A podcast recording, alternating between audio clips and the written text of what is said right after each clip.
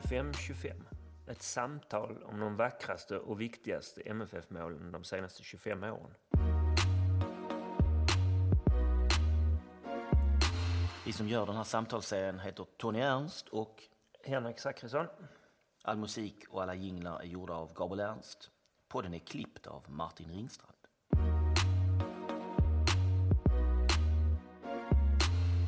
Den här podden görs på uppdrag av MFF Support med anledning av föreningens 25-årsfirande i år. Vi tycker att du ska bli medlem i Malmö FFs officiella supportförening. Gå in på mffsupport.com för mer information.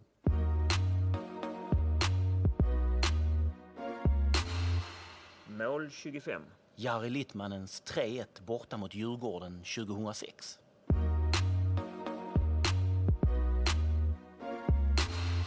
Målet. Ja, vi börjar väl där eh, med att eh, lite kortfattat beskriva eh, själva målet. Det är alltså i 64 minuten och vi leder 2-1. Och då blir Emil Halfredsson bryskt nedtryckt av Mattias Concha. Ja, vi har just haft en jättebra period i matchen, haft bollen länge. Det är inte så länge sedan vi har gjort 2-1 heller. Precis utanför straffområdet. Jari tar knappt någon ansats. Det ser väldigt lätt ut, som att han inte riktigt bryr sig liksom. Och så sitter den. Och så där ska det se ut, säger Arne Hegerfors kolugnt på Simon när Jari knorrar in frisparken.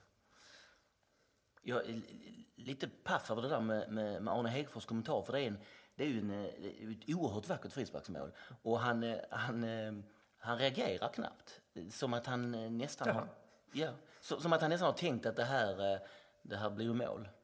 En sak till när man ser om matchen efteråt. Så noterar jag att Djurgårdspubliken kastar in någonting som väldigt oförklarligt träffar vår dåvarande eh, andra tränare Anders Johansson i ögat.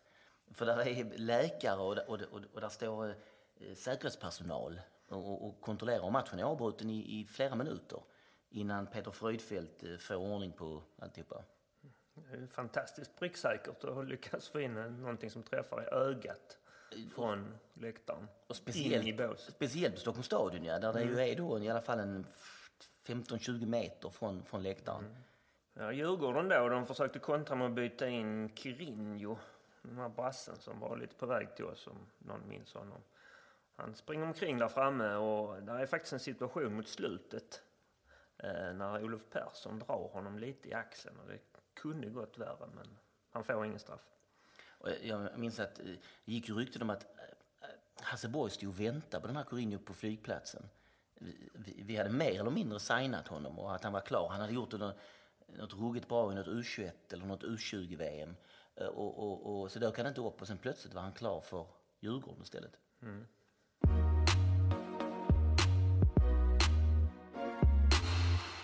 Tabelläget. Ja, var låg vi i tabellen? Vad betydde matchen? Henrik reder ut röran. Ja, vi skrev alltså den 11 maj 2006 så vi hade då nått den åttonde omgången. Vi låg så dags fyra på 12 poäng, alltså en, en något sånär hyfsad start efter sju omgångar. Vi hade då tre vinster, tre oavgjorda, en förlust. Eh, den enda förlusten var för övrigt den famösa hemmamatchen mot Hammarby där vår gamle vän Raul Kouakou inledde med att nicka in en boll i eget mål eh, och sen nicka Eh, Christian Järdler sönder samman. Eh, Men vi kom till match med två raka segrar faktiskt och närmast eh, hade vi vunnit ett Skånederby mot HIF hemma med 3-1. Djurgården, de eh, låg precis efter oss, hade också 12 poäng. Så det var en viktig match på det viset, att på något vis sätta någon form av ton, att det kändes som att ska vi haka på i toppen eller ska vi hänga av oss? Också ett speciellt år, det var bara en omgång kvar till sommaruppehållet som sen varade i hela två månader det året, så det var ett VM-år Eh, senaste gången Sverige var med för övrigt. Där var läget.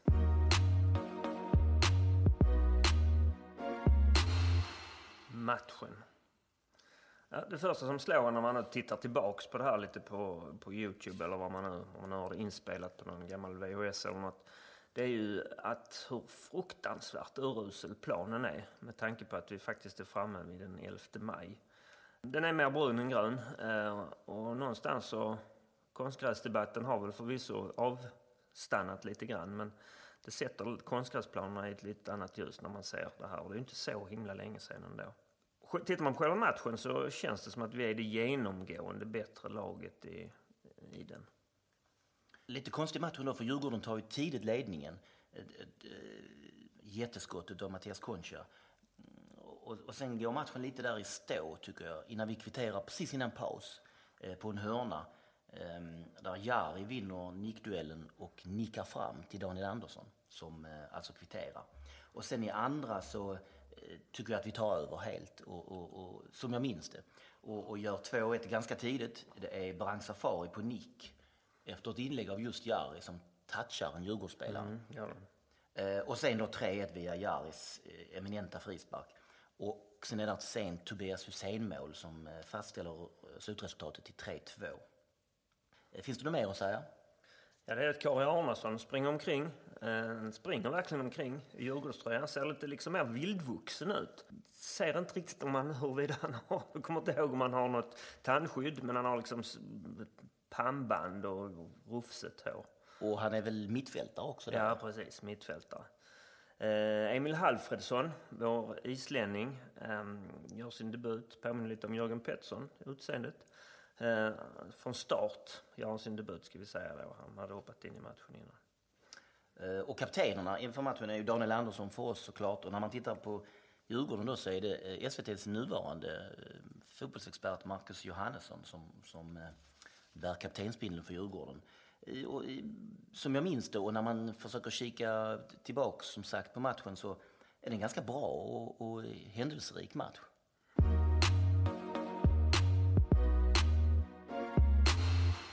Målskytten? Jari Littmannen. Ja, tillsammans med Zlatan så, så är han väl den största som har spelat i Malmö FF under den här eran som, som vi går igenom de här 25 åren. Ehm, och om man ska göra en snabb eh, summering av Jaris karriär så, så debuterade han i, i moderklubben Reipas Lahti som 16-åring. Flyttade till HIK Helsingfors när han var 20. Och, och, och, sen blev det Ajax i sju säsonger. Han hade en ganska trög första säsong. Ehm, men när Bergkamp flyttade till Inter så fick han tröja nummer 10 eh, och, och den positionen då av Louis van Gaal. Och då blev det succé. Eh, säsongen 93-94 vann Ajax ligan och Littmannen vann skytteligan på 26 mål. 95 ehm, så vann han Champions League med Ajax. Och året efter så var Ajax i final i Champions League igen. Då förlorade man den. Men då vann Jari hela Champions Leagues skytteliga.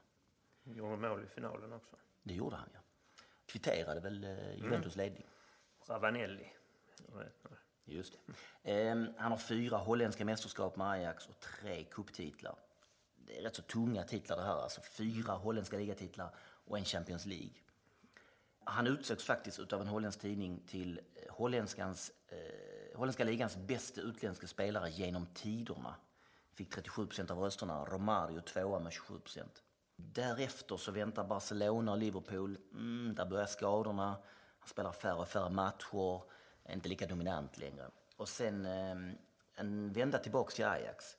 Och sen är han i Lahtis en, en, en kort sväng. Och sen Hansa, Hansa Rostock i Tyskland.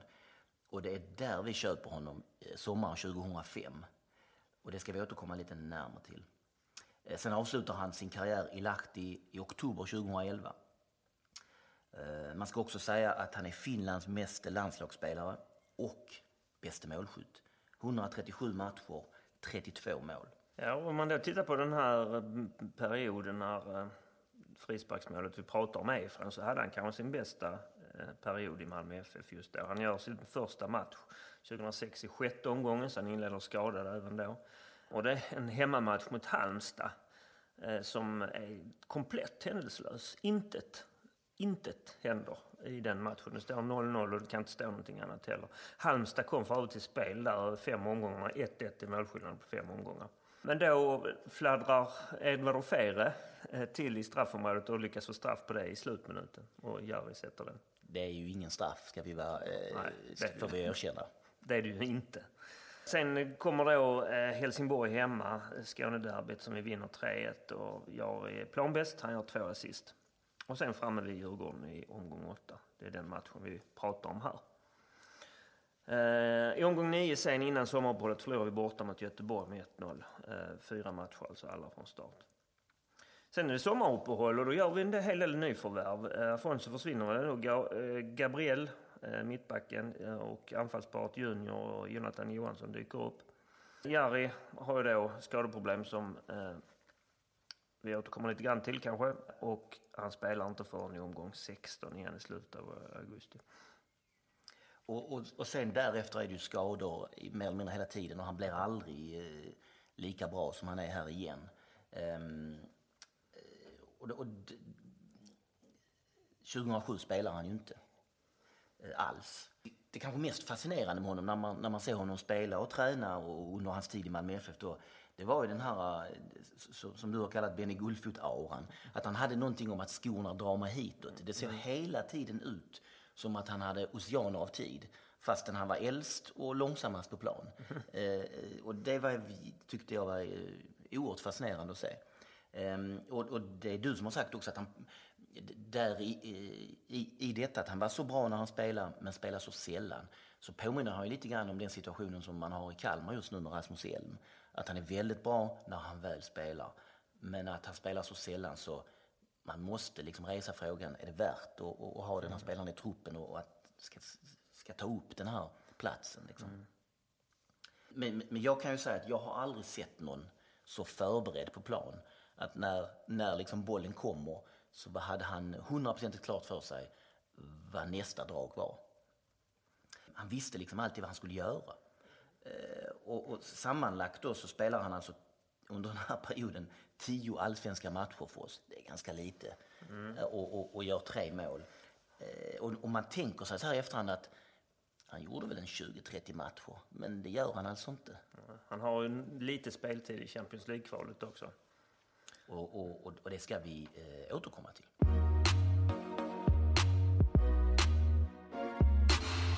Frisparkar direkt i mål.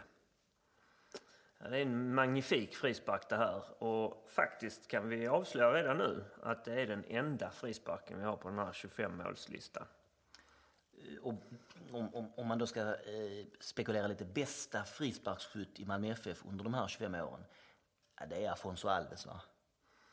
Ja, han, ja, vi har ju några stycken, men Det har vi, men, Ja. men, men, men Afonso kunde det där och han hade några riktiga bomber där. han som- tog inte som han i. på något vis. Nej, det ser väldigt självklart och naturligt ut. Ja. Ja. Eh, Och, och jag, jag tänker framförallt där, där det där hemmamålet eh, i premiären mot IFK Göteborg 2005. Från riktigt långt avstånd. Eh, och, och sen är det de bägge borta mot Elfsborg 2004 när vi vinner 5-1. Som båda två är lösa och, och, och eh, ser alldeles självklara ut. Och det är för övrigt Johan Wieland som står i målet och, och inte ens slänger sig utan förtvivlat tittar bort mot, mot eh, alla i sitt lag. Eh, ehm, och, då, och, då, och då funderar jag lite grann, vilka fler har ett mål på frisparkar i Malmö FF under den här eran?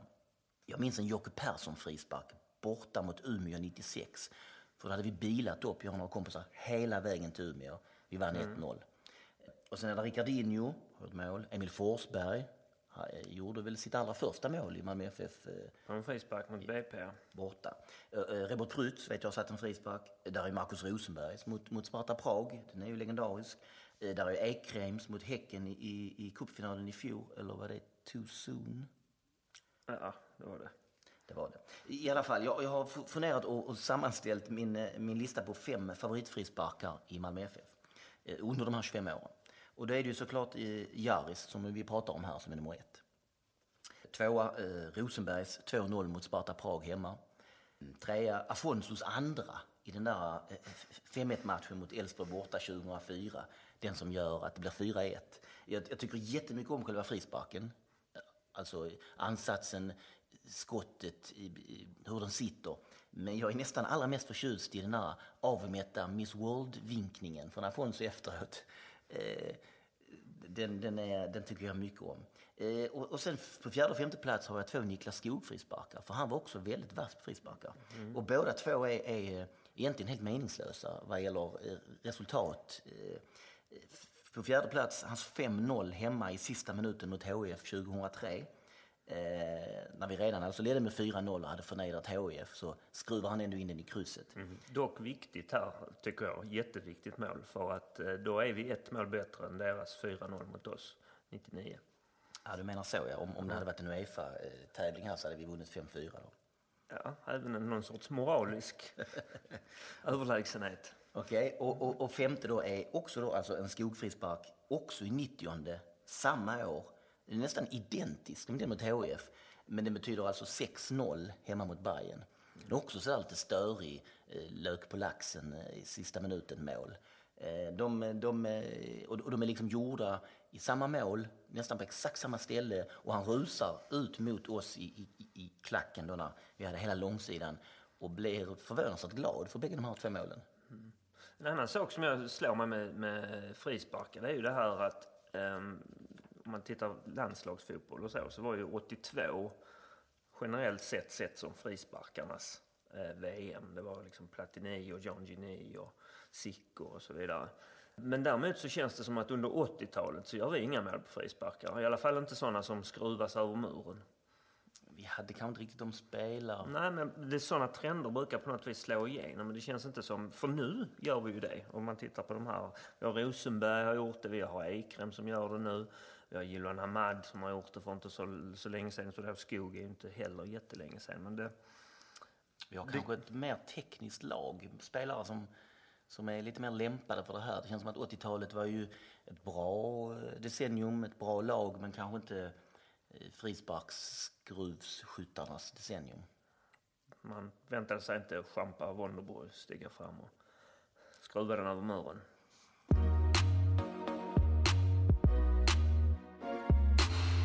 Den tröstlösa Åkeby-eran. Ja, det här målet kommer ju då under Åkeby-eran. Sören Åkeby pratar vi då alltså om, som var tränare för Malmö. Ersatte Tom Prahl och var tränare under två år, 2006 och 2007. Han var stockholmare, eh, hade jobbat som brandman på Nacka brandstation. Han spelade i Hammarby på slut, i slutet av 60-talet eh, och tränade sen ett antal småklubbar innan han fick ta över Djurgården och tillsammans med Soran Lukic led, ledde de till två raka seriesegrar. Och, och, och, och då måste man säga att det där gjorde han ju jättebra. 2002 och 2003 var ju Djurgården ett otroligt bra lag.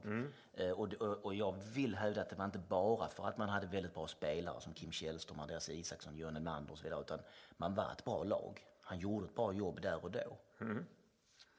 Eh, vi hämtade honom från AGF i Danmark, kom han, eh, kom han närmast. Och när han kom så var det lite att vi skulle få vad vi förtjänade. Så det var fokus på styrketräning och kast med medicinboll. Eh, men det blev mest ett evigt hattande faktiskt. Tombola blev ett nyckelord och spelare kunde lite dyka upp på alla möjliga positioner. Och trots, eh, som vi var inne på innan, en ganska bra start där vi faktiskt är med i, har lite tätkänning fram till hälften av serien, lite drygt. Eh, så blir vi sjua 2006 och sen då ännu sämre 2007. Då slutar vi nia. Och, och, och jag minns det som att 2006 så hade man fortfarande något hopp. Man var inte helt nöjd, men som du sa, vi var med i täten lite grann och vi hade spelare och, och, det, och det kändes som att det skulle kunna bli någonting. Men 20- 2007 sen var ju ett haveri mer eller mindre. Och, och, och, och så gick det rykte om, hela tiden han var här, och långt efter har det gått rykte om att han hade en bayern tatuering Just för att han hade spelat i Hammarby. Och, och det hade han då alltså fastän han hade tränat i Djurgården. Jag har aldrig sett den så jag, jag vet inte.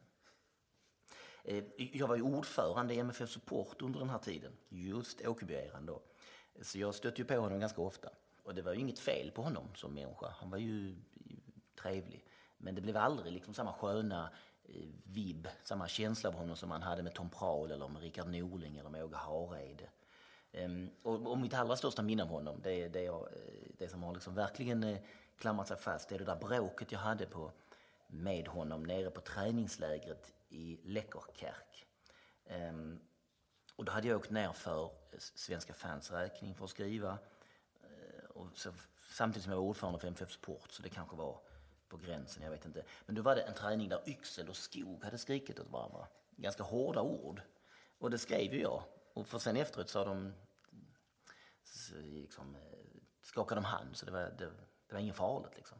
Men Sydsvenskan snappade upp det här och skrev en kort grej om det. Just när jag satt och skulle intervjua Sören Åkerby om, om eh, försäsongen och vad han trodde och så vidare.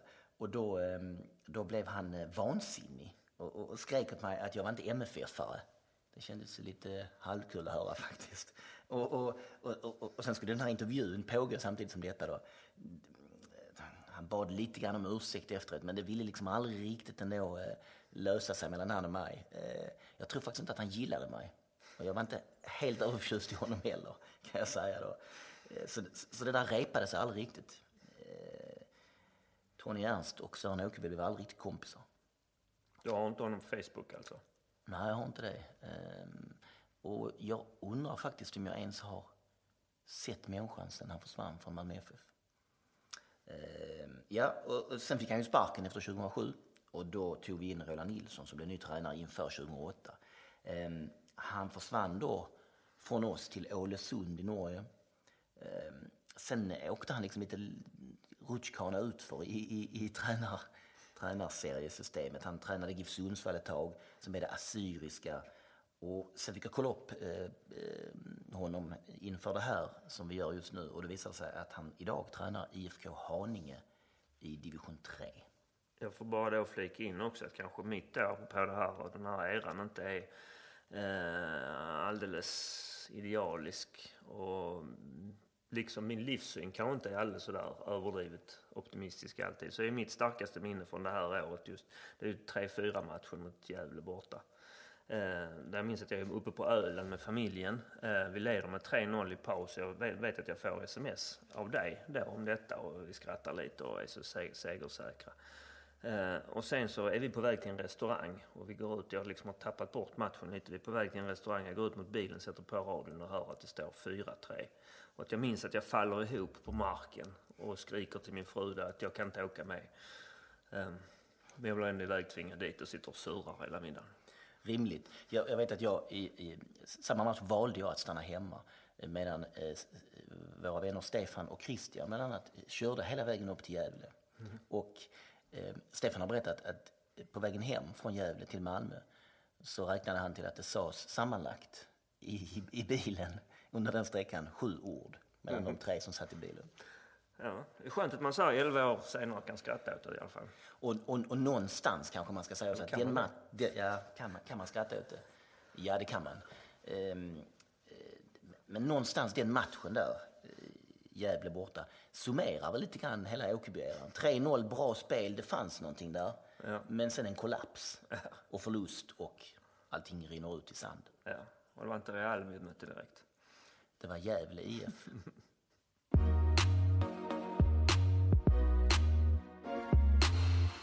Tröjorna. Ja, vi spelar matchen i bortaställ eftersom ju Djurgården också har blått i sina tröjor. Ehm, det är vitt och rött randigt som ju kommer från de färger som klassiska BK Idrott hade, alltså den klubb som Malmö FF bildades som 1910. Eh, jag tycker de är snygga. Jag tyckte de var snygga då. När jag ser om matchen så tycker jag de är snygga nu.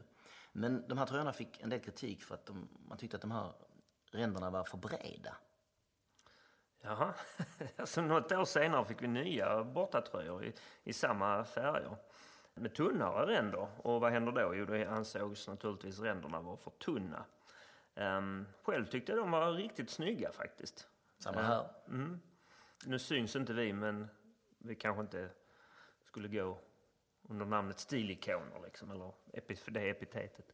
Men i alla fall, det var de här tröjorna som rätt, fick, rätt snabbt fick namnet, eller smeknamnet barbershop-tröjor. Och på grund av att man tyckte de liknade de kläder som just barbershop-körer brukar ha. Ja, och vad är då barbershop? Ja, det är alltså en vokal musikgenre som dök upp i USA i slutet av 1800-talet.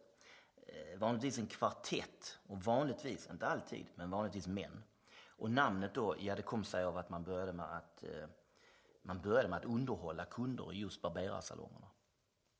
Ehm, I vilket fall så, de här barbershop-tröjorna plockades bort rätt snabbt eh, för att folk var så kritiska. Ehm, och, och, och, och någonstans tyckte folk att de bringade otur också. Ehm, men då vet jag att Jo Nordström gjorde en solid genomgång av vårt spel i, i de här eh, barbershop-tröjorna i en artikel på Svenska fans och då kom man fram till att vi hade följande rad. 12 matcher, 7 vunna, 2 oavgjorda, 3 förluster. Det är inte så illa ändå. Och eh, han noterade där också att okrönt barbershop skyttekung var Magnus Eriksson med fyra mål.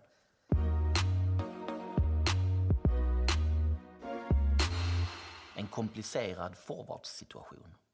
Det ser bra ut till att börja med faktiskt, för vi börjar säsongen med Afonso och Skog på topp. Men så skadar sig Skog och han är borta en 10-12 matcher. Eh, och ett tag spelar vi med Jesper Bäck, dansken som hade ett ganska kort gästspel hos oss, får man säga, när det kommit sommaren innan. Tillsammans med Edvard Fere på topp. Marcus Pode får en del speltid.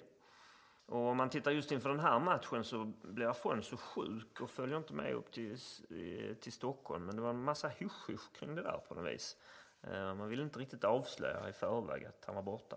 Ja, och jag minns det som att det var en kompis till mig som, som eh, jobbade ute på Sturup och hade noterat när MFF-truppen kom och skulle flyga till Stockholm samma dag och hade räknat då och insåg att Afonso var inte med.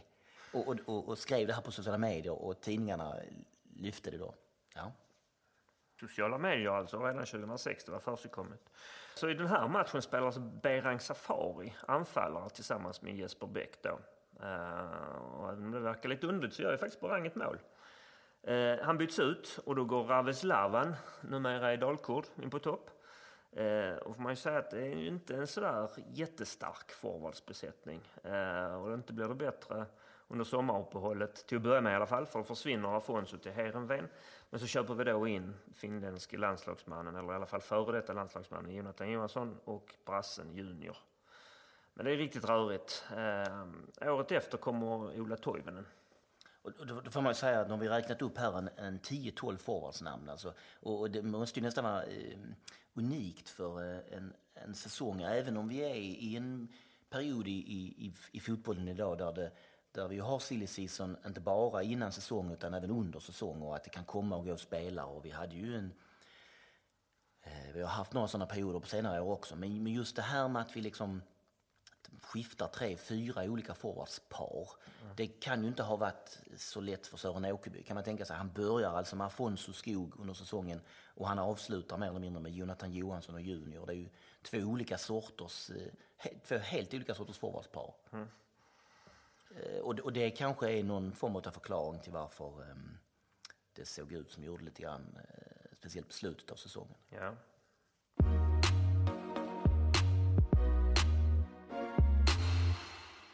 Mer om målskytten. Ja, vi ska prata lite till om den store Jari Littmannen. Ja, han blev då...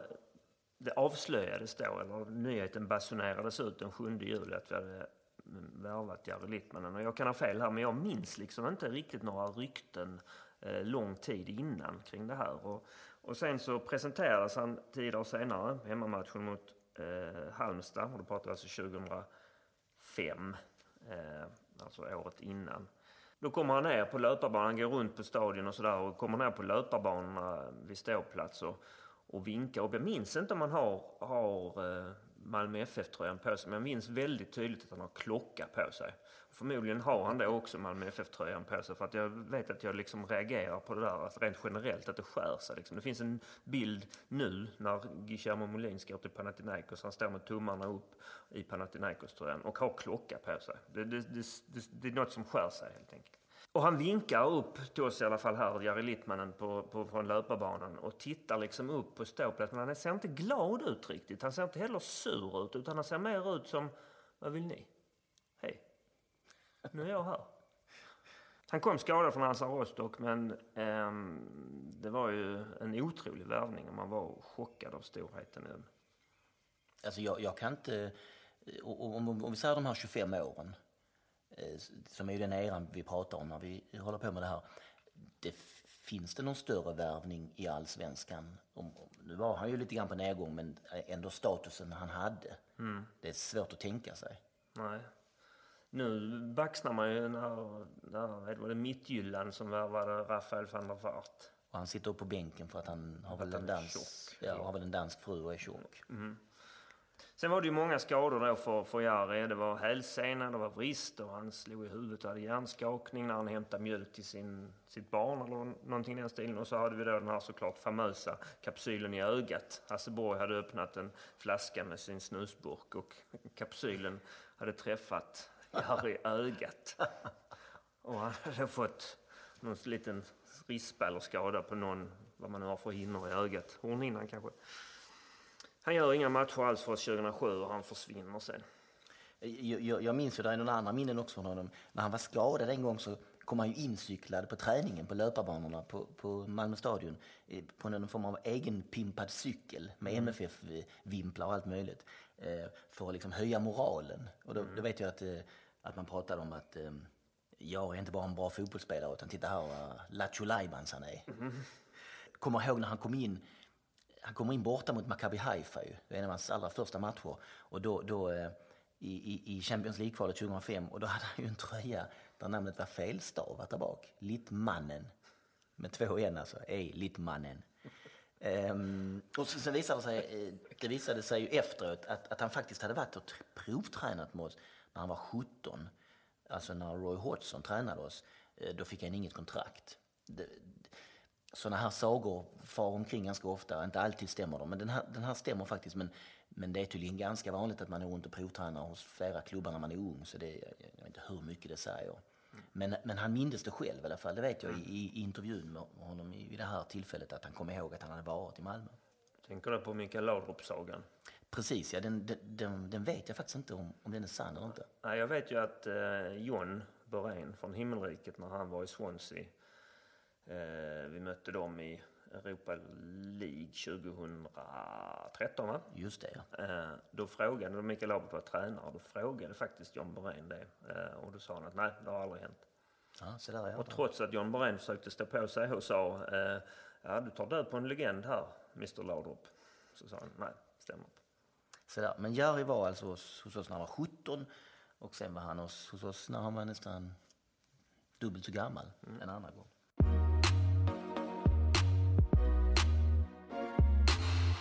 På plats. Kommer du ihåg målet?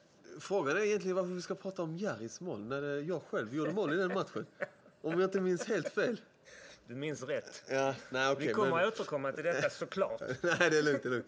Eh, nu ska vi se, det här var jättelänge sedan. Eh, jag kommer ihåg eh, den, eller inte, jag kommer inte ihåg matchen, men jag kommer ihåg, eh, eh, kommer ihåg Jaris mål. Det var nog en frispark. Som han slog över muren eh, och sen så in i mål tror jag. Jag undrar om han touchade. Nej, det kan man inte göra. Det är rakt in i mål. Eh, riktigt fint mål, får man ändå säga. Eh, och jag tror det blev, det var 3-1 målet.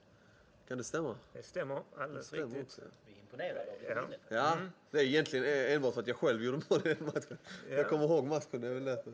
Jag gör ju inte, jag gör inte jättemånga mål. Eh, så de få jag har gjort kommer jag ihåg. Ja, de matcherna, ja. Men ditt eget mål, kan du, dina minnesbilder av det? Det är väl också ett inlägg från Jari Littmanen. Jajamensan. Som jag nickar in eh, jag, jag, eh, typ i bortre stolpen. Eh, jag har Mattias Concha i ryggen också. Eh, Av alla. Av alla spelare, ja.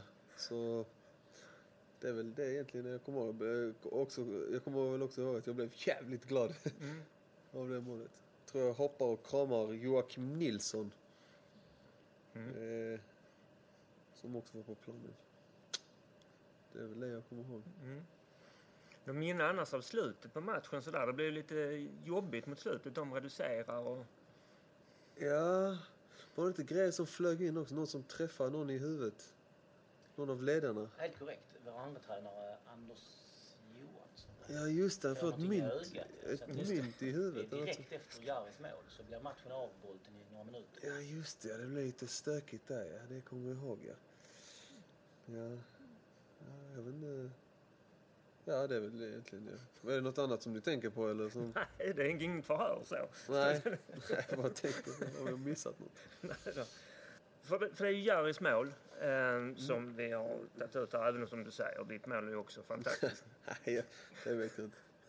Men eh, han kom ju till oss året innan då, Jari Littmanen, eller kom till Malmö FF året innan. Ehm, har du någon minne av det liksom? När, hur, hur, hur går det till när ni spelare får reda på en sån här, nu har vi gjort en värvning, liksom, hör ni någonting i förväg eller? Nej, alltså ibland kanske man hör någonting förväg och ibland är det väl eh, som en blixt från en eh, klarblå himmel kanske. Mm. Eh, men, eh, men just med Jari kommer jag inte ihåg egentligen vad jag tänkte. Jag, När jag var yngre så var jag inte jättefotbollsintresserad så utanför, alltså mer än att spela liksom. Sen Nej, så... Du samlar inte bilder och sånt? Nej, inget sånt. Ja, någon gång när jag var ju, eh, mycket yngre så samlade jag sånt. Men jag var, var dålig på namn och lag och jag följde inga ligor och så liksom. Nej. Det har aldrig liksom intresserat mig riktigt. eh, Och, så här. och sen så när de sa att ja, Larry, Jari Littman liksom. Jag ska komma ja. och då tänkte jag, jaha, det, det låter eh, finskt. Eh, Egentligen är det inte mer liksom. Men sen så fick jag höra då att han hade spelat i Ajax och Barcelona och så bara tänkte oj, det här är ju det är helt sjukt. Då blev jag ju lite så starstruck liksom. Då gjorde, jag med, då gjorde man ändå sin research liksom. Och, Mm.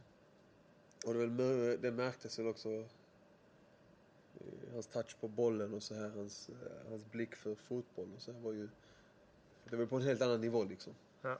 Eh, så det, det märktes. Jag är en fantastisk spelare. Och sen inte bara det. Så fin och ödmjuk. Världens snällaste kille liksom.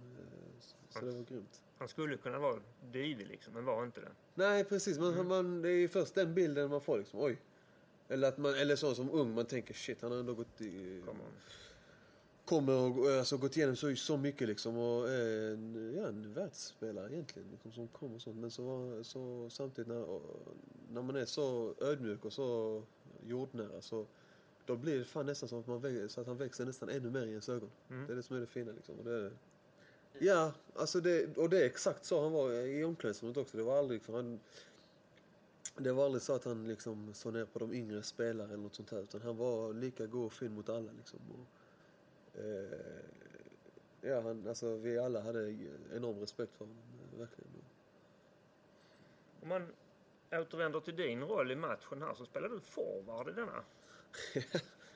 Ja, jag började väl min karriär som som vänsterback som liten och sen så blev jag uppflyttad som vänsterytter och sen slog igenom kanske, slog igenom, slog igenom, ja, slog igenom som vänsterytter egentligen. Sen, sen med Sören blev det väl anfallare i ett 4-3-3 kanske, eller i, och ibland i ett, eh, med två anfallare. Och den matchen var jag nog, eh, var jag nog eh, anfallare och jag tror några matcher innan hade jag spelat var det inte Örgryte borta? Också målskytt. Också målskytt. Det är egentligen bara de här matcherna jag tar upp. Det är alltså inte så lätt. Men det är de, matcherna, det är de få matcherna jag spelar som anfallare. Och det, är väl, det gick väl okej, men Det var ett grymt facit då ju. Ja. 1,0. vi säger eh, fyra matcher som anfallare, två mål. Är det okej? Ja. Ja. Det låter hyfsat. Ja. Eh, nej, så... Sen så blev det sakta, sakta tillbaka, tillbaka i banan. Mm. Eh, eh, snart slutar det väl med att jag är målvakt. Sen har jag gjort allt. Eh, I alla positioner. Det, det, det var väldigt rörigt där då, den, den perioden i MFF. För att det var en massa olika anfallare. Skogen blev skadad, Afonso var lite grann på väg bort. Det var Pode, där var Fere. Ja, just det. Eh, I den här matchen spelar du anfallare tillsammans med Jesper Bäck. Jesper Bäck, ja. Så, Ja, och just sen det. någon match senare så köper vi in Jonathan och Junior. Så det var en väldig rörelse på forwardsidan. Ja, det var det, det kändes väl också lite, kanske i truppen, det var lite eh, otryggt. Man visste kanske inte riktigt liksom eh, hur, eh, hur det såg ut och den här känslan, det var, eh, det skapar ingen trygghet för någon egentligen. När man byter spelare och liksom, till olika positioner. Sen kommer det in och ut någon och sen så är det skador och så här. Så det, blev, det var lite ostruktu- ostrukturerat och det kändes väl av. Och det reflekterar väl också hur vår säsong såg ut. Mm. Jag kommer inte ihåg var vi slutade året. Femma? Sju, sju, Sjua till och med. Ja. Mm. Eh, Och det är egentligen hemskt eh, att sluta sjua. Fan- Mm. Och det blev faktiskt ännu värre eh, året därpå. Vi slutade nia 2007. Så det... Nia och tjugo- nio och 2007. Ja. ehm, och här är också en sån här sak vi tänkte på. Att Sören Åkeby är ju inte en man som har sådär i, i supporterkretsar. Som, det är inte år som vi minns generellt sett med värme liksom. Men nu tog du själv upp en sak som kanske bidrar till de här lite eh, men MFF-mått mätt mediokra resultaten. Eller liksom annat så som man kan rö rörelsen i truppen eller rörigheten i truppen eller något annat som liksom inte kändes som det stämde riktigt. Jag vet inte. Alltså det, de minnena från den tiden, det, var, det kändes bara så grått. Lite alltså, förstår du vad jag menar? Det, det, det kändes som att vi aldrig, vi, vi fick aldrig någon... Eh, vi saknade, hur ska man säga, säkerhet och trygghet i, i vårt spel och i liksom i... Jag kommer inte ihåg riktigt hur det var i omklädningsrummet. Klart vi var alla sköna, men det kändes som det var någon frustration alltid. Okej. Eh, eh, på något sätt liksom. Vi var, vi var alla jättesköna och trevliga killar. Eh, så, men det kändes för att eftersom spelet kanske låste sig så här, och vi fick inte resultaten med oss liksom. Då, det, det bidrar ju till att det blir lite frustration liksom. Och det kändes ju. Det, det kunde man nästan kanske märka av. Eh, eh. Och jag som ung. Eh, det är skillnad på hur jag är nu och hur jag var då. På vilket sätt? Ja, men det här med att eh, någon match om man liksom... Om man slutar femma, sjua eller ner liksom. Det, det var trist, men eftersom jag var så, så pass ung så, liksom, så kände jag aldrig den pressen att det var jag som skulle bära laget på något sätt. Så, och, och då...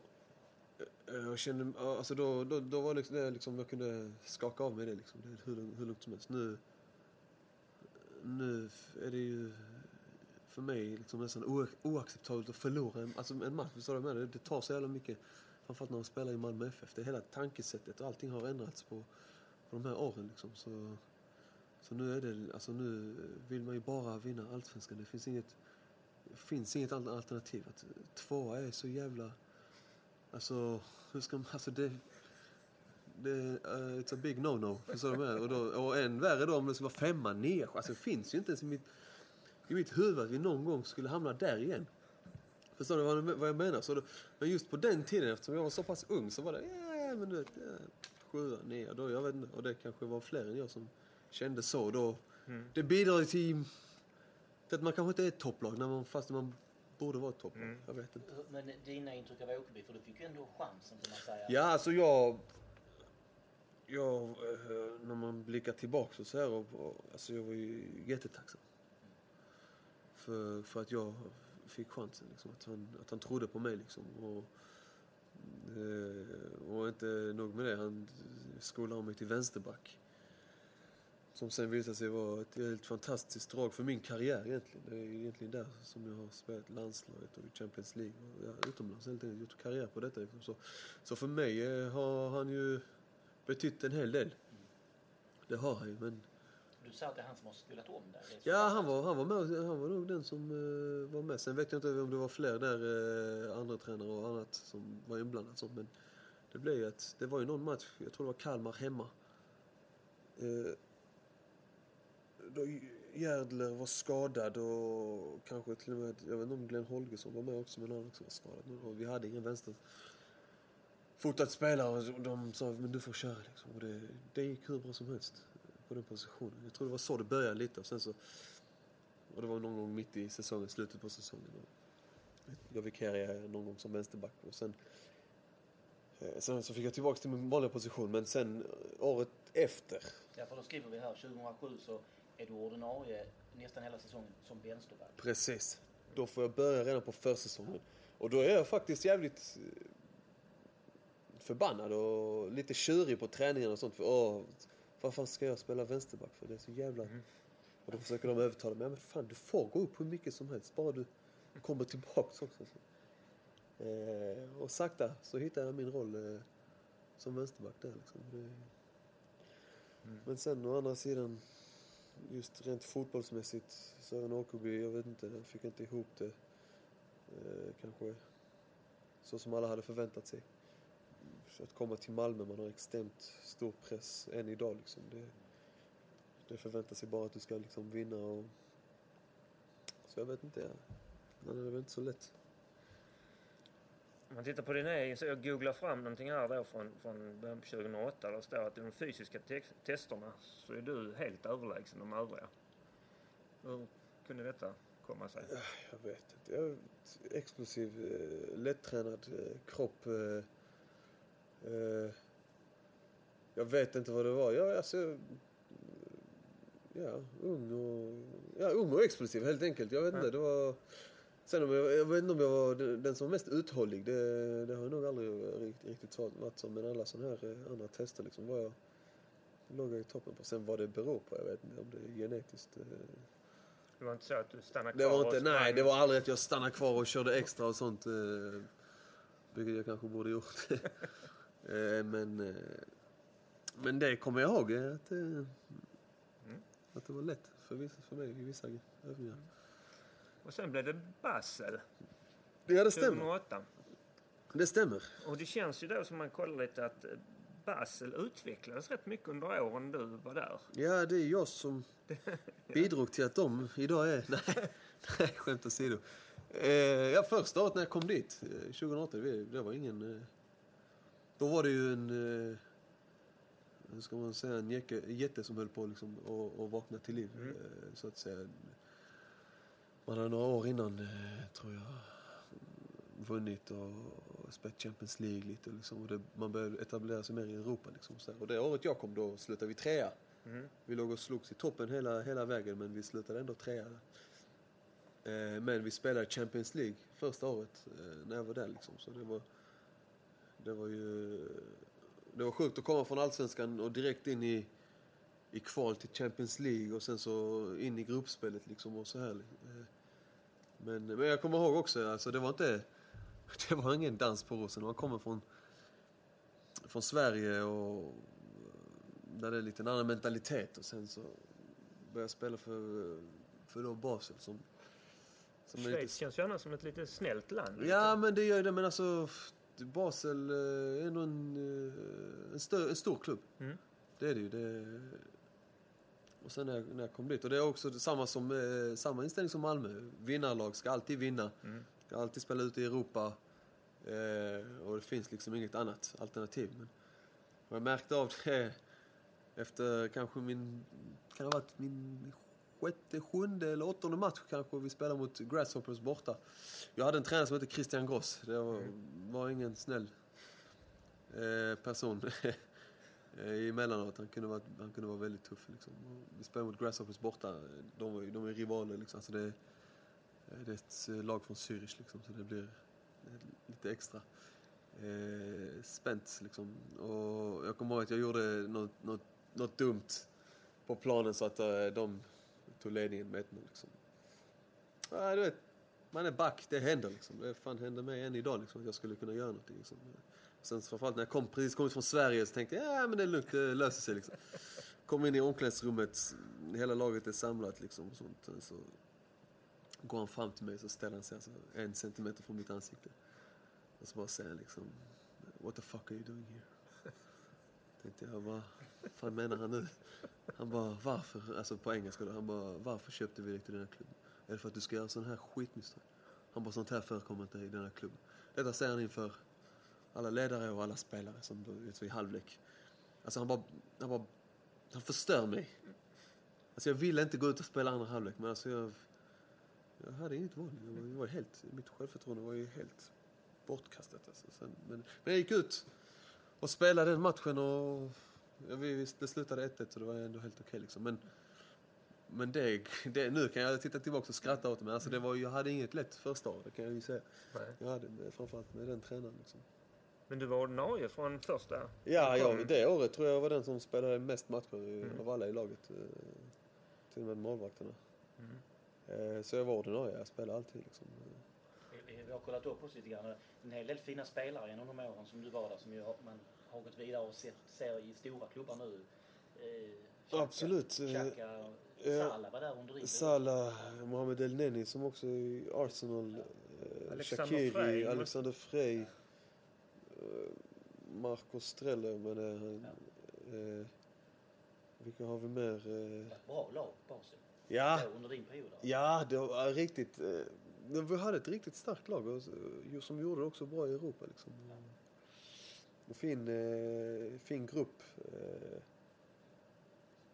av spelare. Liksom. Bra, fin sammanhållning och så här. Liksom. Så det var, ja, det var, det var fina, eh, fina tider. Liksom. Det, det är också eh, det där jag har lärt mig det mesta. Med, alltså, framförallt det med vinnarattityd och inställning och det här liksom har blivit ännu bättre liksom. Och, Du säger, när du pratade innan om, om Malmö FF, den perioden du var där först, då, när det här målet görs av Jari under Åkebyeran och sen åker du till Basel och liksom lär dig lite grann hur, hur hur man ska uppträda. Nu kommer du tillbaks. Är det, upplever det som att det är ett annat Malmö FF du kommer tillbaka till än det du lämnade? Det är ett helt annat Malmö FF skulle jag vilja säga. Eh, eh, det enda som är kvar, vilket är fint och bra också, det är väl att alla förväntar sig alltid att vi ska ligga i topp. Så att den pressen har aldrig försvunnit från, från Malmö. Att den, och det är ju en inställning, det är ju ett, eh, det är förväntan av alla i- runt omkring och så här. Och, och eh, alltså klubbens mål alltid att ligga, alltså förstår du vad jag menar? Eh, Så den finns ju kvar och, den, och det var den då också, fast vi lyckades ju inte bara på det. Men alltså det är ju ett helt annat Malmö FF alltså när det kommer till, alltså det, det känns ju så mycket proffs alltså det, man har verkligen tagit tag i att eh, vad ska göras för att uppnå det. Inte bara utan säga att eh, vi ska vinna, att vi ska ligga i toppen. Utan nu är man verkligen, nu har man tagit alla sina resurser för att göra allting så proffsigt som möjligt. För att kunna alltid ligga i toppen. Den skillnaden märker du klart. Ja, absolut. Inte bara det. Och, och när man har då jobbat upp hela den här, hur ska man säga, mentaliteten. Det väcker ju också ett större intresse känns det som i staden. Och inte bara i staden utan i resten av Sverige. För oavsett var vi än går och vilket lag vi möter borta så är det alltid några eh, MFF-are som bor eh, med- alltså i den staden. Förstår du vad jag menar? Så det finns. Så det har ju, det har spridit sig och det, är- det är grymt. Va- vi- Vi, vänder tillbaks till den här matchen nu. Mm. Stockholms stadion då 2006 här. En, en, en liten sista runda i alla fall. Ehm, kommer du ihåg vilket nummer du spelar i? 25? Korrekt. Ja, det var nog första nummer. ja. Ehm, du, du, Kan det ha varit en polka... Polkafärgade bortastället? Ja. Yes. Bra. Eh, och, och, och blir du, vi leder då. Eh, du gör 2-1 på nick i andra halvlek och sen är det ju Jarres frispark då som betyder, som betyder 3-1 då, som är det här målet som vi pratar om. Eh, och sen reducerar de slutet men vi vinner med 3-2. Du, du blir utbytt i 84 minuten. 84 minuten, ja Kommer okej. du ihåg vem, du, vem som du byter av med? Alltså, om jag prickar denna så ska ni fan köpa mig någonting. Eh, Vi Alltså, har ju jag- en ledtråd nej, om jag får gissa första. Ja. Jag vill säga, jag vet inte varför, men jag vill säga Raveslava. Korrekt. Är det det? Ja. Ja, det är helt sjukt. Ledtråden var ju då att du kan få möta honom nästa år. Eftersom han ju är lagkapten i Dalkurd. Ja, okej. okej. Ja, okej. Det hade, den ledtråden hade inte hjälpt mig någonting. Det hade inte alls. Nej, alltså, jag tror inte. Jag inte jag, som sagt, återigen, jag har inte så... Men hur kan du komma ihåg att du byts, att, att, det, att det är just Ravos? Nej, jag har ett ansikte. Och att jag är på väg mot bänken, typ. Det är, det är små sådana scenarier, typ. Eh, Hans frispark som går över muren. eh, Min nick när jag hoppar in i Jocke efter, efter målet. Och sen är det typ det här bytet. Typ. Det är ju... Vi har ju en sista fråga också. Och det är ju att du har en lagkamrat från förra året, en som spelade i Malmö FF i fjol, är spelare i Djurgården. I motståndarlaget, alltså i den här matchen. Vänta lite, nu hänger jag inte med här. Förra året så spelade Du- du Spelade jag med honom i år? I fjol, ja. Och han spelade i Djurgården. I den här matchen då alltså? Vänta lite. Spelade jag med honom? Ja, han spelade i Malmö FF i- i, fjol. Han spelade ganska nära honom. Varför står det helt still i mitt huvud? Alltså nu står det helt still i Han skulle vi huvudet. haft någon ledtråd men det har vi inte riktigt. Men eh, han, du, du, du, du kamperade med honom i, i backlinjen ganska mycket i, i fjol.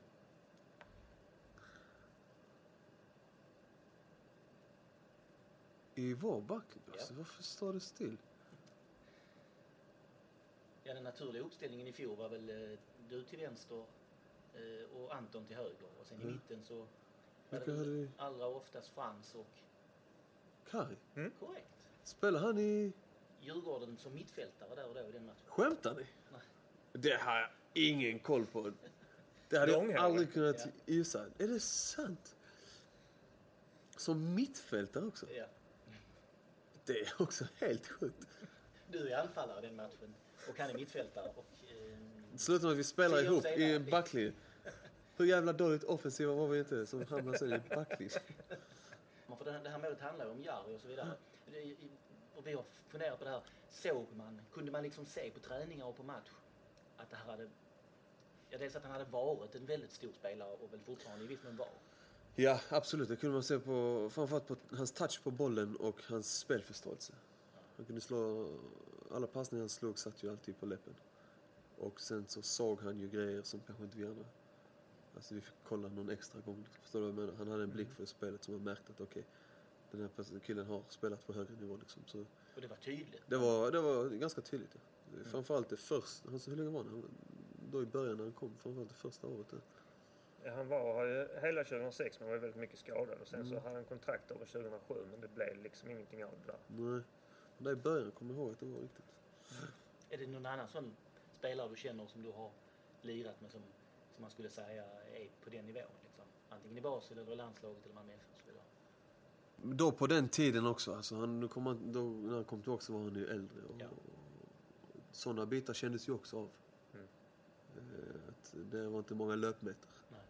Han, det var mycket stå still och sånt. Så, alltså, så, så, då, så, så som han var då, om man jämför med någon jag spelat med i, under mina år så, så måste jag säga att det var ett bättre spelare än vad han var då på hans, i slutet av hans karriär. Om du, om du förstår vad jag menar. Så, så det kanske är taskigt att jämföra honom med hans eh, sista år i karriären jämfört med typ, eh, låt säga, Xhaka och andra. Mm.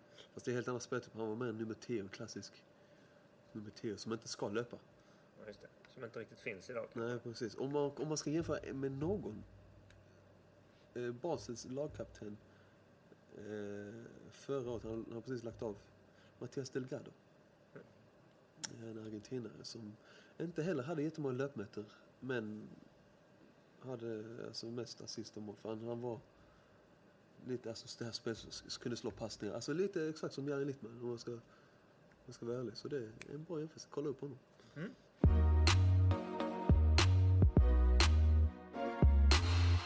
Kluriga frågan. Ja, nu kommer vi till den avdelning i det här samtalet där jag ställer en klurig fråga till en helt oförberedd Henrik. Mm, jag är oförberedd. Så here we go. Vem är vår reservmålvakt i den här matchen? 2006. Ehm, Ja. skulle ju... Skulle det kunna vara Håkan Svensson? ja, det är väl ingen dålig gissning, men det är fel svar. Men jag- har lite ledtrådar, så vi, Ja, vi, vi, Ja, vi, vi kör dem efterhand. Tre stycken. Ja. Den första. Den här eh, spelaren har aldrig spelat en match för oss. Oj, oj, oj. Eh, det gjorde inte saken lättare för Håkan Svensson spelar väl någon i alla fall. Ja, det. Ehm, Okej, den andra ledtråden då är att det är en skåning. Och den tredje ledtråden är att han är fullkomligt okänd. Ring är det han Fredrik? Nej, ingen Nej, Fredrik. jag kan inte. Kan inte. Rätt svar är Kenneth Mattsson. Ja. Kenneth Mattsson. Eh, vem är nu Kenneth Mattsson? Jag kan inte ens se honom framför mig när, när jag började med det här. Men ehm, eh, det är alltså Mattsson som sitter som reservmålvakt och han gör det i fyra omgångar. Eh, omgång sex till omgång nio. Sen är han borta. Poff, upplöst i tomma intet. Eh, och, och, och det är alltså allt som finns om honom i Malmö FF. De här fyra allsvenska matcherna som bänknötare. Eh, och det, det är så här att det är Mattias Asper som står i matchen. Ehm, eh, för till den här matchen har Jonas Sandqvist blivit knäskadad, så han kan alltså inte sitta på bänken. Ehm, vi, vi hade ju köpt Sandqvist inför säsongen från Landskrona. Eh, Mattias Asper var fortfarande första målvakt till och med sommaren när Sandqvist tog över. Jag misstänkte att det inte skulle vara Sandqvist eftersom du frågade. Ja, det. Precis. Och, och då till sommaren när Sandqvist tar över så säljs ju Asper till Viking Stavanger. Och det är då den gamla Halmstad och AIK-målvakten Håkan Svensson blir andra målvakt. Men han kommer alltså inte förrän till sommaren. Nej, okej. Ehm, Kenneth Mattsson. Jag googlar och det första som kommer upp är en Borlänge-pensionär som heter just Kenneth Mattsson och som är en av Sveriges bästa i sin åldersgrupp i bänkpress. Det är han som täcker nästan hela första sidan. Så då får man liksom lägga till Kenneth Mattsson, Malmö, för att få svar. Och då hittar jag. Han kom från Tummelilla, hade faktiskt varit i Malmö FF tidigare. Han skulle nämligen sitta på bänken i allsvenska premiären 2004. För då hade vår eh, andra målvakt Joel Ringström, han kommer du ihåg? Ja, han som stod mot Rostock när vi var där nere. På träningsmatch, ja. Han hade blivit skadad. Eh, så då fick man kalla in eh, Kenneth Mattsson och sitta på bänken. Men veckan innan så skadar han sig också. Så att han kan inte ens sitta på bänken då alltså. Och Joel Ringström mirakulöst eh, helar sig själv och kan sitta på bänken. Ehm, så, så, så han hade alltså varit i Malmö FF innan men fick inte ens sitta på bänken. Kom tillbaks då ehm, just för att eh, Sandqvist var skadad och fick fyra matcher på bänken. Han hade spelat i IFK Malmö 2003 och var alltså del av det laget som åkte ur en serie. Så då gjorde han ju någon nytta. Eh, och när jag sen försöker titta noggrannare så tror jag, alltså tror, för jag är inte riktigt säker på att det är samma person, men det verkar konstigt om det finns någon annan som heter Kenneth Mattsson och ägnar sig åt målvakteri. Men jag tror alltså att han är målvaktstränare eh, åt FC Rosengårds damer. Ja, det är ju penibelt att inte kunna detta här nu.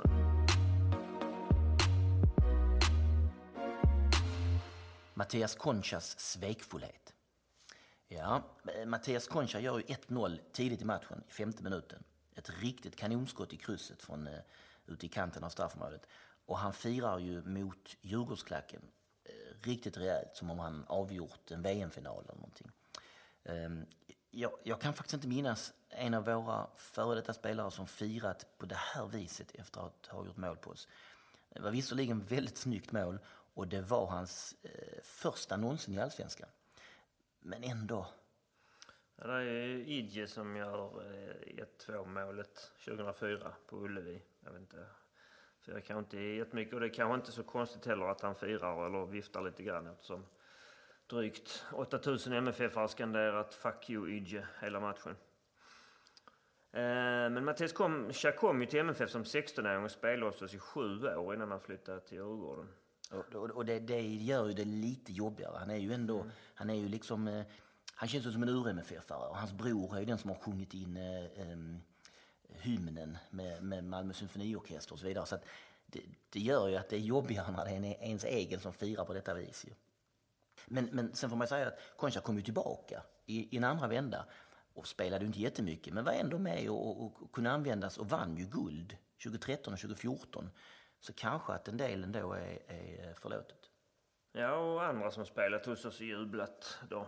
Ja, vi hade Cibicke så sent som i fjol. Även om kanske nu mera traditionen säger det där, eller traditionen. Det är lite mer kutym att spelare inte jublar så mycket när de gör mål med sina gamla klubbar. Eh, men Magnus Eriksson gjorde det också i fjol i Djurgården när han slog en frispark via muren. Eh, och Rosenberg jublade ju rejält sina två mål 2004 eh, för Halmstad. Ja, då, då, då, då kändes det som att han eh, firade som någon form av revansch mot Tom Prahl och alla andra i la, laget som inte hade trott på honom. Ehm, och Rosenberg har väl kanske bevisat efteråt att han ändå är MFF-are. Eh, och sen, sen var det ju un, un, under hela 90-talet kändes det ju faktiskt som att, som att alla spelare vi hade kastat bort som vi inte längre skulle ha, bra spelare, eh, framförallt då till de andra Skåneklubbarna, Helsingborg och Trelleborg. De, eh, I varenda match så passade de ju på att göra mål. Ehm, Det var ju Leif Engqvist, Anders Palmér, Patrik Sundström och så vidare. Ehm, Patrik Olsson, Trelle. Precis, ja. Eh, Men, men, men det känns inte som att någon av dem hade något sådär överdrivet vilt firande. Nej, jag minns ju framförallt eh, Trelleborg slår oss 93 med 4-1 hemma. Och de leder med 4-0 till och med. Och Leif Engqvist har två mål och sen så springer Palmér igenom och rullar in den. Och då kommer jag väldigt starkt ihåg att han liksom lägger huvudet på sned och nästan ser lite ledsen ut. Minst förlägen, nästan ledsen. Ja. Och, och, eh, sen kan man ju då säga att det, är ju, det finns ju det omvända. Alltså spelare då som har varit hos oss, gjort mål mot oss, men väldigt bestämt inte firat. Och där är ju paradexemplet såklart eh, Zlatan i Champions League eh, 2015 här på hemmaplan när han gör mål och, och liksom böjer ner huvudet. Eh, han ville nog göra mål, men han ville ju såklart inte heller jubla och förnedra sin, sin, eh, sin egen klubb. Och, och, och, och så mitt favoritexempel är ju när Erik Johansson, Samba-Erik, eh, gör mål för eh, Hammarby mot oss 2004. När han, ja, han ser nästan sorgsen ut. Som att det här var inget kul. Eh, och, och, och fundera på det här, man säger ju ofta det här att släkten är värst. Det vill säga någon som har varit i ens egen klubb. När, man sen, när de sen kommer och möter sin gamla klubb, ja så gör de alltid mål. Ehm, men när man sållar och går igenom de här 25 åren i minnet så jag får inte intrycket av att eh, det är en massa MFF-are som har varit i andra klubbar och gjort mål på oss. Thomas Olsson också som gör mål för oss ett par eller gör mål mot oss eh, ett par gånger för Göteborg. Han har också den goda smaken att missa en straff sen. Ja, just det. Ja, man, man får liksom hela tiden väga för och nackdelar. Mm. Va, va, och, och, och, och var landar det sen? Liksom. Jag, jag minns när Magnus Eriksson gör det där målet för, för Djurgården mot oss i fjol. Då. Den här frisparken som ändrar riktning och går in och han sen jublar och vill ta hela världen i famn. Då minns jag att jag blev tokig på Twitter och skrev något sånt. Fånigt såklart. Varför jublar han så mycket när han gör mål? Jag menar, spelare har ju rätt Välfunnet. spelare har ju rätt att bli glada när de gör mål. Men, men jag var liksom förtvivlad. Men också tror jag för att jag tyckte så mycket om honom när han, när han var hos oss. Och, och då vet jag att eh, jag känner ju folk i Djurgården och Magnus hade tyckt det här var väldigt kul och hade liksom sagt till folk i, som jag känner i Djurgården. Blev Tony sur när jag gjorde mål? det, överlag måste jag nog säga att jag är inte så himla bekymrad över om någon som spelar i ett annat lag gör mål på oss och jublar. Oavsett om han har spelat hos oss eller inte. Det känns inte som det allra viktigaste. Nej, och eh, när Simon Tern gjorde mål på HF eh, året efter han hade kommit hit, eller om det var året därpå, eh, då var vi inte så bekymrade över att han tokjublade. Det är det där ja, om, om man, man, man får ta det onda med det goda och om man tycker att det är okej okay, att det sker Ja, jag tycker nästan det kan slå över till och med faktiskt att det blir lite fånigt att man så demonstrativt ska säga nu, nu jublar inte jag här för att jag ska visa respekt. Och har tusen spelare gjort det innan så blir det rätt tomt. Ja, framförallt när det då är spelare som kanske då alltså, gjort två säsonger i, i, i, i den klubben de möter nu. Då, mm. den, då, och då är vi tillbaks vid Mattias Conchas svekfullhet igen och, och ska avsluta där att han är ju MFF och har spelat hos oss länge och är liksom det, jag minns att jag var störd där och då mm. och tyckte det var onödigt, mm. är nog det rätta ordet. Mm. Men vi har ändå sådana här haröron kring svekfullhet. Ja, det har vi. Det, mm. det, är alltså, eh, det är alltså inte på riktigt. Nej.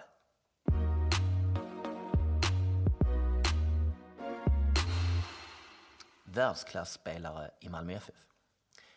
Jag tänker på följande. Jari Littmannen är ju en av få riktiga världsklasspelare som spelat i Malmö FF. Och om man då med absolut världsklass menar att man ska ha varit ordinarie i ett stort lag, i en stor liga och allra helst också då i sitt landslag. Ja, om, om man med absolut världsklass menar detta så, så, så, tycker jag att man med god vilja hittar fem spelare eh, under de här 25 åren. Då. Och det är då Jari såklart som är en av de fem. Helt ordinarie Ajax, vunnit ligan och Champions League. Sen har vi eh, Patrik Andersson eh, som ju vann ligan och Champions League med Bayern. Eh, Afonso Alves, där är det kanske lite mer tveksamt men varken Heerenveen eller Middlesbrough kan anses vara, vara eh, stora klubbar men han står noterad för åtta landskamper, ett mål för Brasilien och startade alltså när de vann Copa America 2007. Det är rätt unikt och måste räcka ändå alltså. Eh, fjärde spelare Zlatan Ibrahimovic såklart, där behöver vi knappt eh, eh, förklara. Och femte spelare då måste man nog erkänna efter den här säsongen Emil Forsberg, alltså eh, assistkung i Bundesliga med i årets lag, tvåa där och känns rätt så dominant i, i, i landslaget numera också. Fem stycken alltså. Är det någon jag har missat? Nej, Jag tror inte det. Va? det att, vem som kommer närmast Kanske Markus Rosenberg, men eh, han har ett antal landskamper och spelat i hyfsade klubbar. Men, eh, På gränsen va? Ja. Fem och en halv kanske? Mm. Um, och jag förresten, jag noterar att tre av de här fem världsklassspelarna i Malmö FF har varit på plan samtidigt i två matcher. 2005, det är Europaspelet, Maccabi Haifa borta och sen FC Thun hemma. Och det är då Afonso, Patrik och Jari. Så alltså vid två tillfällen har tre av de här eh, varit på plan samtidigt.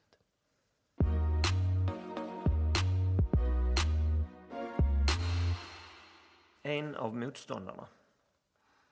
Ja, eh, vår Kari Arnason spelar i Djurgården då. Jag var inne på det här med slängiga håret och liksom en, en allmänt ungdomligare uppsyn. Och det är väl egentligen det mest spektakulära eh, det är det. Men jag vill gärna slå ett slag för Padembo Turay som vaktar målet för Djurgården. Som jag tycker är en härlig typ faktiskt. Eh, han var i Djurgården mellan 2000 och 2011. En ganska lång eh, period. Mm. Utlånad en del i början och inte ordinarie förrän de sista 5-6 åren. Han hade ju Andreas Isaksson och Rami Shaban före sig. Nästan två meter lång och enorma händer. Jag vet att han var känd för sina otroliga utkast som han kunde hiva gott och väl över halva plan. Um, och oerhört atletisk. Jag vet en kompis som gjorde något försäsongsreportage om Djurgården ute på Bosön och då, då var Padem Botoray mil före andra, alla andra vad gällde atletiken. Um, uh, han gjorde sig också känd för en hel del tavlor. Mm. Jag kan inte på rak arm komma ihåg något, men jag minns att många gånger på sammandrag av matcher så är det att han tappar in en boll eller, eller mm. Klantar sig. Säkerhetsrisk. Ja, precis. Um, han var från Gambia ursprungligen där han faktiskt har 25 A-landskamper. Um, och det är det där klassiska vet jag när Djurgården slår Elfsborg 2008 med 8-1. Då springer han hela vägen upp och slår en straff. På Janne Möller-vis. Precis, ja. Uh, och sätter den. Så att han har ett mål också för, för Djurgården. Um, idag så är han lite oväntat faktiskt målvaktstränare för Prespa Birlik här i Malmö. Det känner jag inte till innan. Och, och, och, så finns det ju en allsvensk podd som har tagit sitt namn efter honom. Jag misstänker för att han är en sån skön typ. Mm. Ultimata förnedringen för ett lag att målvakten springer upp och slår en straff. Och det som Henrik tog upp här innan på Janne Möller-vis, det är alltså när vi möter Hammarby eh, på stadion eh, och Magnus Andersson blir fälld. Eh, högerbacken är ändå uppe i straffområdet och blir fälld. Och vi i publiken eh, liksom ropar fram eh, Janne Möller. Det måste, här måste ha varit 1988. Något sånt, ja. Det står 4-0. Ja, precis. Det står 4-0. Och jag vet att Roy Hodgson på bänken ställer sig upp och, och, och liksom viftar med fingret som att nej, nej, nej, nej, nej, nej, nej. Vi ska inte ha en målvakt som slår straffen här. Vi, på engelskt vis ska det vara ordning och reda och mm. den ordinarie straffskytten ska skjuta. Men Janne Möller springer liksom hela vägen upp och publiken jublar och han tar straffen och sätter den rätt säkert också. Ett vristskott. Ja, men, lågt. Ja, lågt i hörnet. Ja. Eh, Serie A-straff. ja.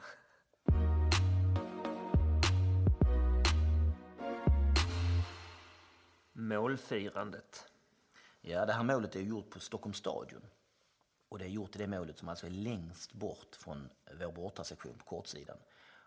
Och det är ju många mil dit. När man står på den eh, sektionen så ser man i princip ingenting vad som sker i, i, i det målet. Jag minns det själv eh, som att eh, man ser att det är frispark och att Jari eh, ska slå den men eh, av själva målet ser man ju ingenting utan att det, det stora minnet är att Jari springer jublande ifrån målet. Och då inser man att det här är nog mål. Det är ju först i efterhand när man har fått se det på, på tv som man, som man ser hur pass snyggt det är. Ehm, av själva målet så, så, såg man egentligen inte någonting alls. Men, men jag minns väldigt väl att jag står bredvid en äldre herre som jag eh, inte känner igen vare sig förr eller senare. Och att han säger, eh, liksom precis innan Jari stegar fram, att ja, den här sätter han. Eh, och det gjorde han ju. Ehm, jag åkte MFF Supports buss upp, vill jag minnas. Ehm, och det är ju en seg resa till Stockholm, den bussen. Jag minns att jag sov gott, i alla fall halva vägen hem. På din färd genom ett vårvackert Sverige.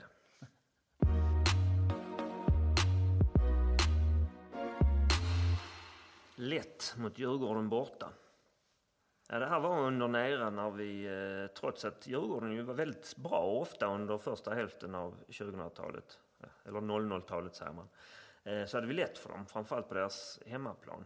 Eh, vi gick upp samtidigt från Superettan år 2000. Då hade vi visserligen inte så lätt för dem. 6-1, vårt mål på ett självmål av Magnus Persson. Eh, men eh, det var ju vi och Djurgården då som skulle komma att vinna fyra av de fem kommande gulden. Alltså de första åren under 00-talet. Och, och 2001, då vi började där, så vann vi på Stockholms stadion med 4-0. Ehm, där ju bland annat eh, Zlatans klassiska dribblingsräd är med. Mm. 2002 då vann vi med 4-3 efter tre Peter Iggy-mål första kvarten. 4-1 i paus. Eh, det blir spännande i andra halvlek men vi håller undan. 2003 vann vi 2-0. 2004 vann vi återigen med 2-0, visserligen en match som spelades på Råsunda. Där minns jag ett vackert eh, Afonso-mål. Mm, och Höjland va? Höjland på nick på hörna. Ja. Eh, 2005 eh, så får vi stryk med 2-0. Och så har vi då den här vinsten vi pratade om, 3-2 2006. Och, och det blir då alltså under de här första åren sen vi gick upp ur, ur Superettan, alltså eh, sex matcher där, det är fem vunna och en förlust på de här sex åren och en målskillnad på 15-7. Det är ganska imponerande. Speciellt då med tanke på, som du säger innan, att Djurgården under de här åren ju hade ett väldigt starkt lag. Och får man lov att säga så här i efterhand, dominerade svensk fotboll ganska kraftfullt. Mm.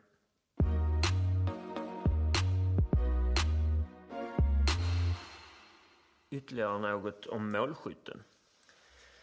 Vi avslutar med några personliga Jari Littmanen-minnen. Och då, och då måste jag säga att min allra största Jari Littmanen-minne det är när jag eh, hjälpte honom att pruta ner priset på en kofia, alltså en palestinasjal, i Jerusalem där vi då var eh, inför eh, Champions League-kvalet mot Maccabi Haifa. Jag pratar ju arabiska och, och, och Jari tyckte att det var lite för dyrt med den här palestinasjalen.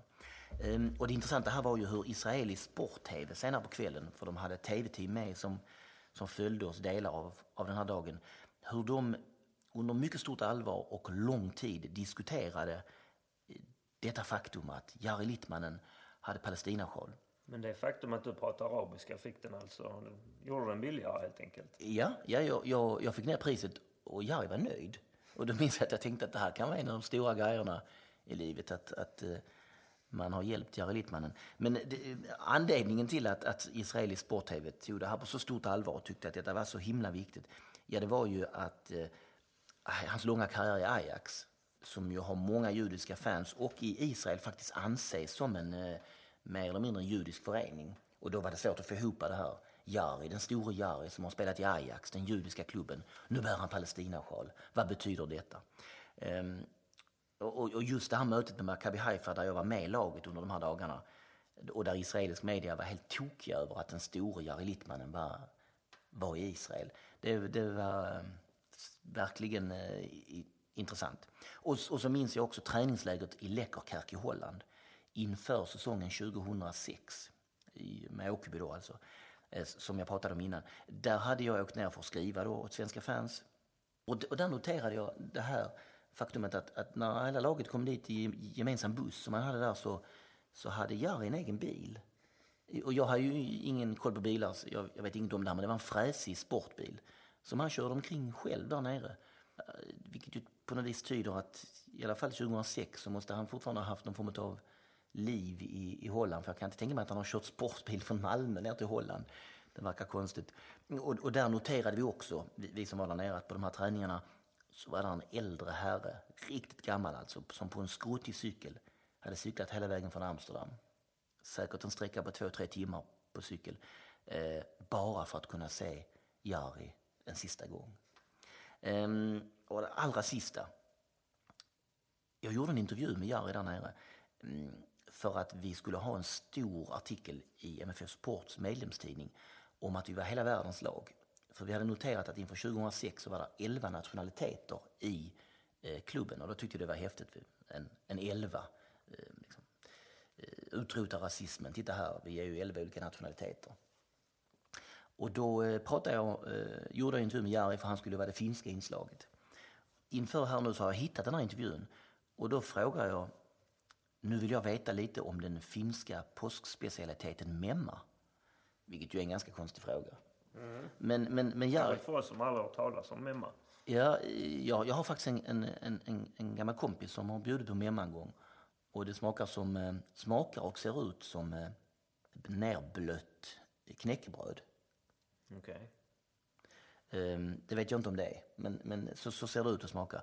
I, alla fall, jag frågar honom om, om den finska påskspecialiteten memma, men eh, han blir inte speciellt förvånad. Eh, utan han säger, eh, svarar så här, ja du, det har man ätit några gånger. Man fick det i skolan och sen brukar min mormor göra det. Det är kanske svårt att lära sig att tycka om, säger han lite frågande då. Eh, memman du köper i affären är aldrig bra. Och sen säger han, det ska vara mormors hemmagjorda memma.